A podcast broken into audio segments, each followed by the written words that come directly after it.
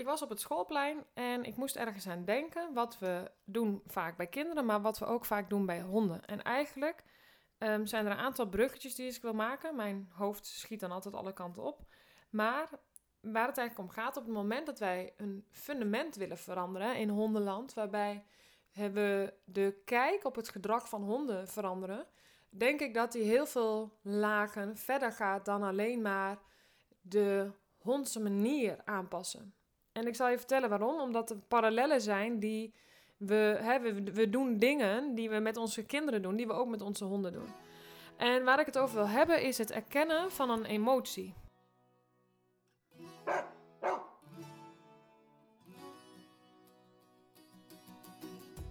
En ik denk dat je als kind daar nog heel vrij en puur in bent. De emoties die je hebt, die, je laat, die, die laat je zien. En tegelijkertijd is het ook, en zeker ook op een bepaalde leeftijd, eigenlijk de enige manier om te reguleren wat er in jou leeft. Als je, als je het nog niet goed kan uitleggen, als je nog zodanig jong bent, dat jouw emoties eigenlijk uh, hetgeen is waarmee jij laat zien: dit is hoe ik mij voel, dit is hoe ik in mijn vel zit, et cetera, et cetera. Bij honden is dat natuurlijk niet anders, want ook daarin uh, is de onderliggende emotie, de gemoedstoestand, de, hetgeen, hè, de, de manier waarop de hond zich voelt, dat is wat je ziet. Daar ontstaat vervolgens bepaald gedrag uit. Dus bij kinderen niet anders. Dus er is een bepaalde emotie. Ik voel me blij. Kind laat bepaald gedrag zien. Een andere emotie kan er ook zijn. Ik voel me gefrustreerd en ik gooi al mijn speelgoed op de grond. Ik noem maar wat. Dus uh, ik denk dat we daarin als volwassenen een kind heel erg mooi kunnen begeleiden om te leren hoe ga ik nou om met mijn emoties. En ook hoe geef ik uiteindelijk woorden aan mijn emoties, zodat ik kan uitleggen: ik voel me nu boos. Ik wil, me, ik wil even alleen zijn, ik noem maar wat. Ik ben blij. Ik vond het fijn op school. Ik vind het fijn als je zo doet. Ik vind het niet fijn als je zo doet. Oké, dan denk je misschien, wat voor bruggetje wil je nou maken, Aniek? Nou, wat ik gewoon zie, hè, onze oudste dochter die gaat naar school sinds een week of drie nu. En de schoolvakantie staat voor de deur.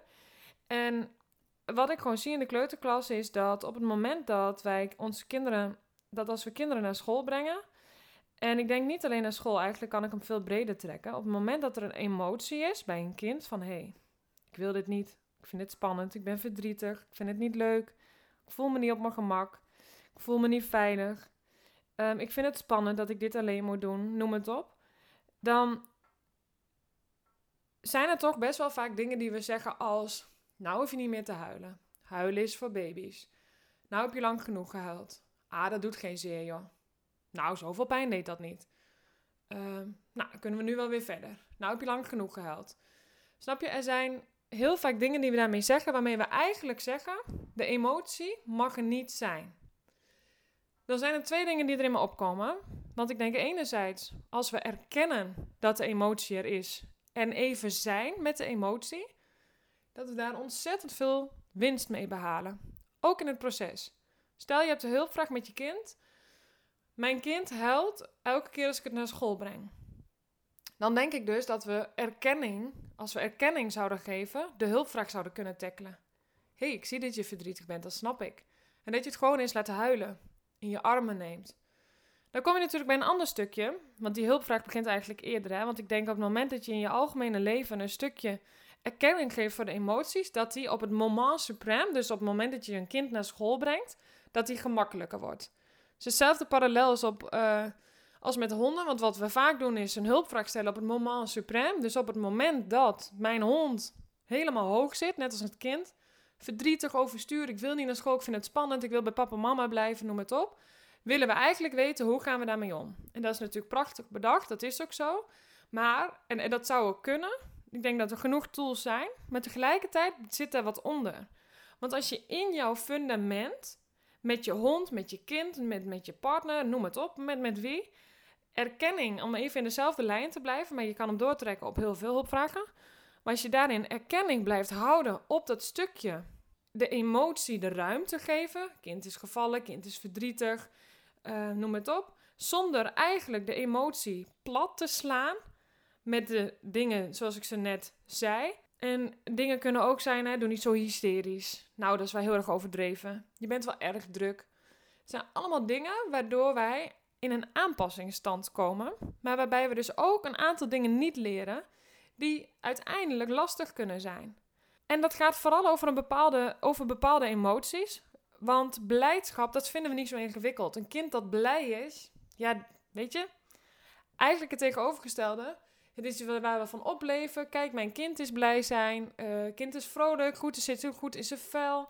Met ook alle gevolgen van dienen. Want je zal zien dat hij dan makkelijk contact legt met anderen. En hè, blijf hem doortrekken. Want een hond die, die blij is, doet hetzelfde. Makkelijk in contact, sociaal, kan goed incasseren. Um, slaapt goed. Ehm, en soms slapen ze niet goed. Die nuance wil ik ook meteen trekken. Het is niet meteen zo dat als een kind niet, dat als een kind niet goed slaapt, dat hij niet blij is. Is met honden ook zo. Maar dat is hè, het feit dat we, we vinden blijdschap, vrolijkheid, enthousiasme. zijn allemaal emoties waar we goed mee om kunnen gaan. Dus bij honden niet anders. Een hond die blij is, een hond die enthousiast is, een hond die overenthousiast is. Ach, dat kan misschien wel eens lastig zijn, want ze schieten door en ze worden er wat druk van. Maar het is altijd makkelijker dan boosheid, verdriet, kwetsbaarheid. En dat is ook bij honden zo. Want op het moment dat de boosheid, frustratie, angst achter zit, ik vind het spannend, ik voel me ongemakkelijk, ik voel me onveilig, weten we eigenlijk niet meer zo goed wat we moeten doen. Vinden we het ingewikkeld en zeggen we, als we even dezelfde lijn gaan trekken bij honden, nou, je hoeft er niet te blaffen, er gebeurt toch niks? Nee, oké, maar waarom denk je dat je hond blaft? Dat is niet zomaar. Uh, ah, dat is helemaal niet spannend. Het zijn gewoon twee kleine hondjes. Ja, hij heeft, hij heeft vooral een grote mond hoor, maar, maar er zit niks achter. Nee, dat zal wel. Maar er zit wel wat achter, want je hond laat iets zien. Dus niet meer huilen, want je bent geen baby meer, is eigenlijk een enorme smet op het kind wat zegt: Ik vind het gewoon spannend en ingewikkeld. En eigenlijk is mijn advies ook bij honden, vooral bij honden, want ik werk met honden, niet met kinderen, behalve dat ik kinderen heb. Bij honden begin ik ook heel vaak met een stukje erkenning. Erken nou eens gewoon het gevoel wat er ligt bij de hond. Ik vind het spannend, ik voel me niet fijn, ik vind het ongemakkelijk, ik voel me onveilig, ik voel me onzeker, ik ervaar angst. Ik voel me niet gehoord, want dat is vaak eigenlijk zelfs een gevolg. Hè, wat ik vaak zie bij de hulpvragen die er liggen, is dat er eigenlijk al gedurende de tijd een vraagstuk is ontstaan waarin de hond aangeeft: Ik voel mij niet gehoord. Wat dus ook nog zorgt dat je nog meer uit verbinding raakt. Want eigenlijk is het zo dat de hond al een langere tijd aangeeft en vaak sluimert dat al. Hulpvragen sluimeren vaak al een tijdje. Dat zien, zien we niet altijd, die opbouw, maar die is er wel degelijk. En dan doe ik dus eigenlijk op dat er vaak al signalen zijn geweest waarbij de hond aangaf: jongens, er is iets, er sluimert iets in mij. En dan, maar op, op, op de piek stellen we vaak de hulpvraag, wat ik net ook al zei. Nou, waarom wil ik dit parallel maken? Omdat ik denk, als wij willen leren dat een kind of een hond, weet dat op het moment dat ik kind zeg, ik eigenlijk hond zeg, je kan hem doortrekken. Ja, maar een kind is geen hond en een, uh, hè, dat mag je niet zo op die manier zeggen. Nou ja, daar heb ik dus een podcast over. Mag je een hond als een kind behandelen? Waar ligt die grens? Wat is de scheidslijn? En er is een scheidslijn, maar er zijn ook wel degelijk parallellen.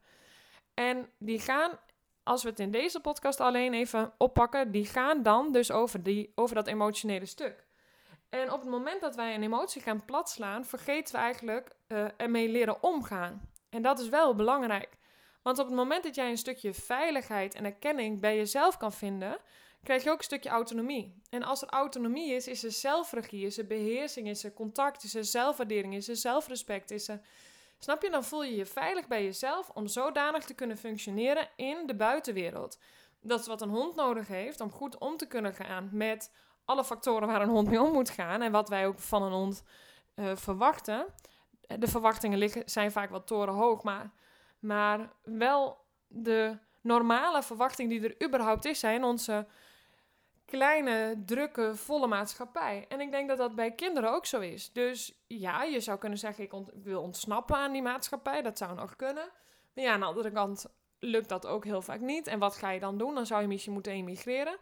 Ehm, maar een kind gaat naar school. Je kan natuurlijk, er zijn alternatieven, maar je begrijpt wat ik bedoel. Op het moment dat jij kiest om je kind naar school te gaan, is er eigenlijk maar één ding heel belangrijk. En ik denk bij honden ook, is dat je ze weerbaar maakt. En die, volgens mij begint die vraag bij jezelf. Die gaat over ik, dat het kind zich autonoom en veilig voelt in zichzelf. Bij honden niet anders. Op het moment dat jij je hond wil laten functioneren in een maatschappij, gaat hij niet over de trucjes en de vaardigheden, maar gaat hij over een stukje weerbaar zijn in onze maatschappij. En ja, dan denk ik dat de lat een heel stuk lager zou mogen. Ook bij kinderen, denk ik. Maar tegelijkertijd is er ook een verwachting om uiteindelijk wel om te kunnen gaan met de realiteit. Want de realiteit is dat er veel prikkels zijn, dat we druk zijn, dat we veel doen, dat we uit ons uh, gevoel zijn, dat we uh, druk zijn in ons hoofd, dat we veel bezig zijn met beeldschermen, dat we weinig gevoel en intuïtie hebben. Die is er wel, maar er is in onze maatschappij lang niet altijd meer plek voor. En dan heb je ook nog al die emoties van die kinderen die zo puur zijn in, in wat ze laten zien en al die honden. En bij gedrag gaat het heel vaak over, en nou wil ik dat je je gedraagt. Ja, dat zal wel, maar gedrag is eigenlijk een gevolg van. Dus dan voor mij rijst wel ook altijd de vraag: wat is dan je gedragen? Want er is wel een bepaalde norm en dan hebben we een vakje en daarin ben je een keurig kind of een keurige hond. En als je er buiten valt, ben je kennelijk niet meer keurig, zonder te kijken naar hey, wat speelt er. Maar ook wel wat is dan keurig? Hè? Wat is dan dat is vooral ook een ander niet in de weg zit en niet tot last zijn. Maar er zit ook meteen de valkuil van een stukje aanpassingsvermogen. Ehm, niet mogen zijn wie je bent. En ik denk als we daar ruimte geven in het algemeen, als we de podcast zouden afsluiten, dan denk ik als wij erkenning zouden geven bij onze hond, daarmee zeg ik niet, je moet erkennen en dus accepteren wat er allemaal is, niks meer aan doen, dit is het probleem, gewoon lekker allemaal laten gaan. Nee, dat is niet wat ik zeg. Maar als we in de emotie zouden erkennen, ik zie jou staan, want uiteindelijk gaat hij daarover. Uiteindelijk is dat ook waar we naar snakken, hè? gehoord worden, erkend worden. Ik zie jou staan met alle emoties die er zijn: boosheid, verdriet, uh, frustratie, angst, onzekerheid, ongemak. Ik vind het spannend als we daar, daar eens beginnen met erkenning. hey, ik snap eigenlijk wel waarom je dit doet. Ik vind het fijner als we het zouden kunnen ombuigen, natuurlijk. Ook, ook voor jou en, en ook voor jouw verlangens is het heel belangrijk dat je daar ook erkenning aan geeft. Maar het zou lucht kunnen geven als je zegt: Ik ga de verbinding aan op de laag waarin je de hond wel ziet staan. Zonder dat je alleen maar zegt: Hij moet zich gedragen, hij is ongehoorzaam, hij zal wel dominant zijn. Ik heb mijn handen vol aan mijn hond. En dat is ook zo. Maar begin eens bij kijken naar wat zit er nou onder erkennen dat er waarschijnlijk wat speelt, want anders is er geen gedrag. En als we terug gaan even naar dat schoolkind wat huilt en weer niet naar school wil, want ik wil bij papa en mama blijven en daar heel erg aan hangt, dan denk ik dat er alsnog heel veel factoren zijn. Waarom hangt een kind eraan? Dat is met de honden niet anders. Waarom is er een stuk afhankelijkheid? Een stuk ik hang heel erg aan jou. Um, er zijn, hè, daar kun je eigenlijk allemaal zijweggetjes weer in maken. Dat, dat zal ik niet te veel gaan doen. Want een stukje afhankelijkheid bij, als we het bij een kind houden, hier kom je dus wel weer in een verschil. Want je hebt geen, geen moeder-kind, vader-kind relatie met je hond zoals je dat met, een, met je eigen kind hebt. Dat kan niet, want het is niet jouw, het, is niet jouw genetische, het, is niet van jou, zeg maar. Dus je, je hond kan als je kind voelen, prima. Maar dat is wat anders dan dat het daadwerkelijk je kind is. Ik bedoel, hoe je het ook vindt of keert, is dat een verschil. En op het moment dat het een stukje afhankelijkheid is bij een kind van vier, en ik denk altijd, dat is logisch. Je bent zijn moeder. Je bent uh, zijn vader. Ik zeg even zijn of haar. dat maakt, maakt mij niet uit, maar je begrijpt wat ik bedoel. En ik denk dat daarin altijd een stukje onderscheid is. Dus het is logisch dat een kind van vier eigenlijk zegt: mag ik in jouw armen zijn, want daar voel ik me veilig in deze spannende wereld waar alles nieuw is. Tegelijkertijd denk ik dat een hond die veiligheid ook zoekt. Veiligheid is eigenlijk de basis, de bakermat voor goed kunnen communiceren, voor goed jezelf kunnen ontwikkelen, voor autonoom gedrag, om jezelf goed te kunnen waarderen en te kunnen ontwikkelen. Maar tegelijkertijd denk ik, als we dus um, hem daar echt mee afronden, als we zouden kijken naar het kind en in de basis al meer erkenning zouden geven voor de emotie. Soms eens laten huilen en gewoon in onze armen nemen. En het gewoon is, gewoon eens met de emotie zijn. Niet meteen zeggen, je hoeft niet te huilen. Nou heb je lang genoeg gehuild. Huilen is voor baby's. je hoeft nou niet meer te huilen hoor, we zijn al zo vaak op school geweest. Dan denk ik dat je eigenlijk de allerbelangrijkste stap hebt te pakken, want je begint langzaam te werken aan een stukje jij en al je emoties mogen er zijn. Het gedrag, wat er een gevolg van is, die pakken we ook op. Maar soms is het zo dat het gedrag drastisch verandert omdat je de koe bij de hoorns pakt. Dus je bent aan het kijken naar waar komt het nou eigenlijk vandaan. En ik denk dat erkenning voor wie je bent, voor wat je voelt, heel belangrijk is. En als je die te doortrekt naar je hond, ik erken, oké, ik vind het niet fijn als je blaft, maar als je er nou eens naar kijkt, observeert, helikopterview, ik erken dat dit is wat er is. En als we vooral ook even stoppen met het bagatelliseren van die emotie, ah, je hoeft niet te blaffen, niks aan de hand, joh, er gebeurt toch niks? Kunnen we niet zeggen. Want voor de hond gebeurt er wel degelijk wat. En als je de verbinding aan wil gaan met je hond, is dit wel degelijk een laag die ook een rol speelt.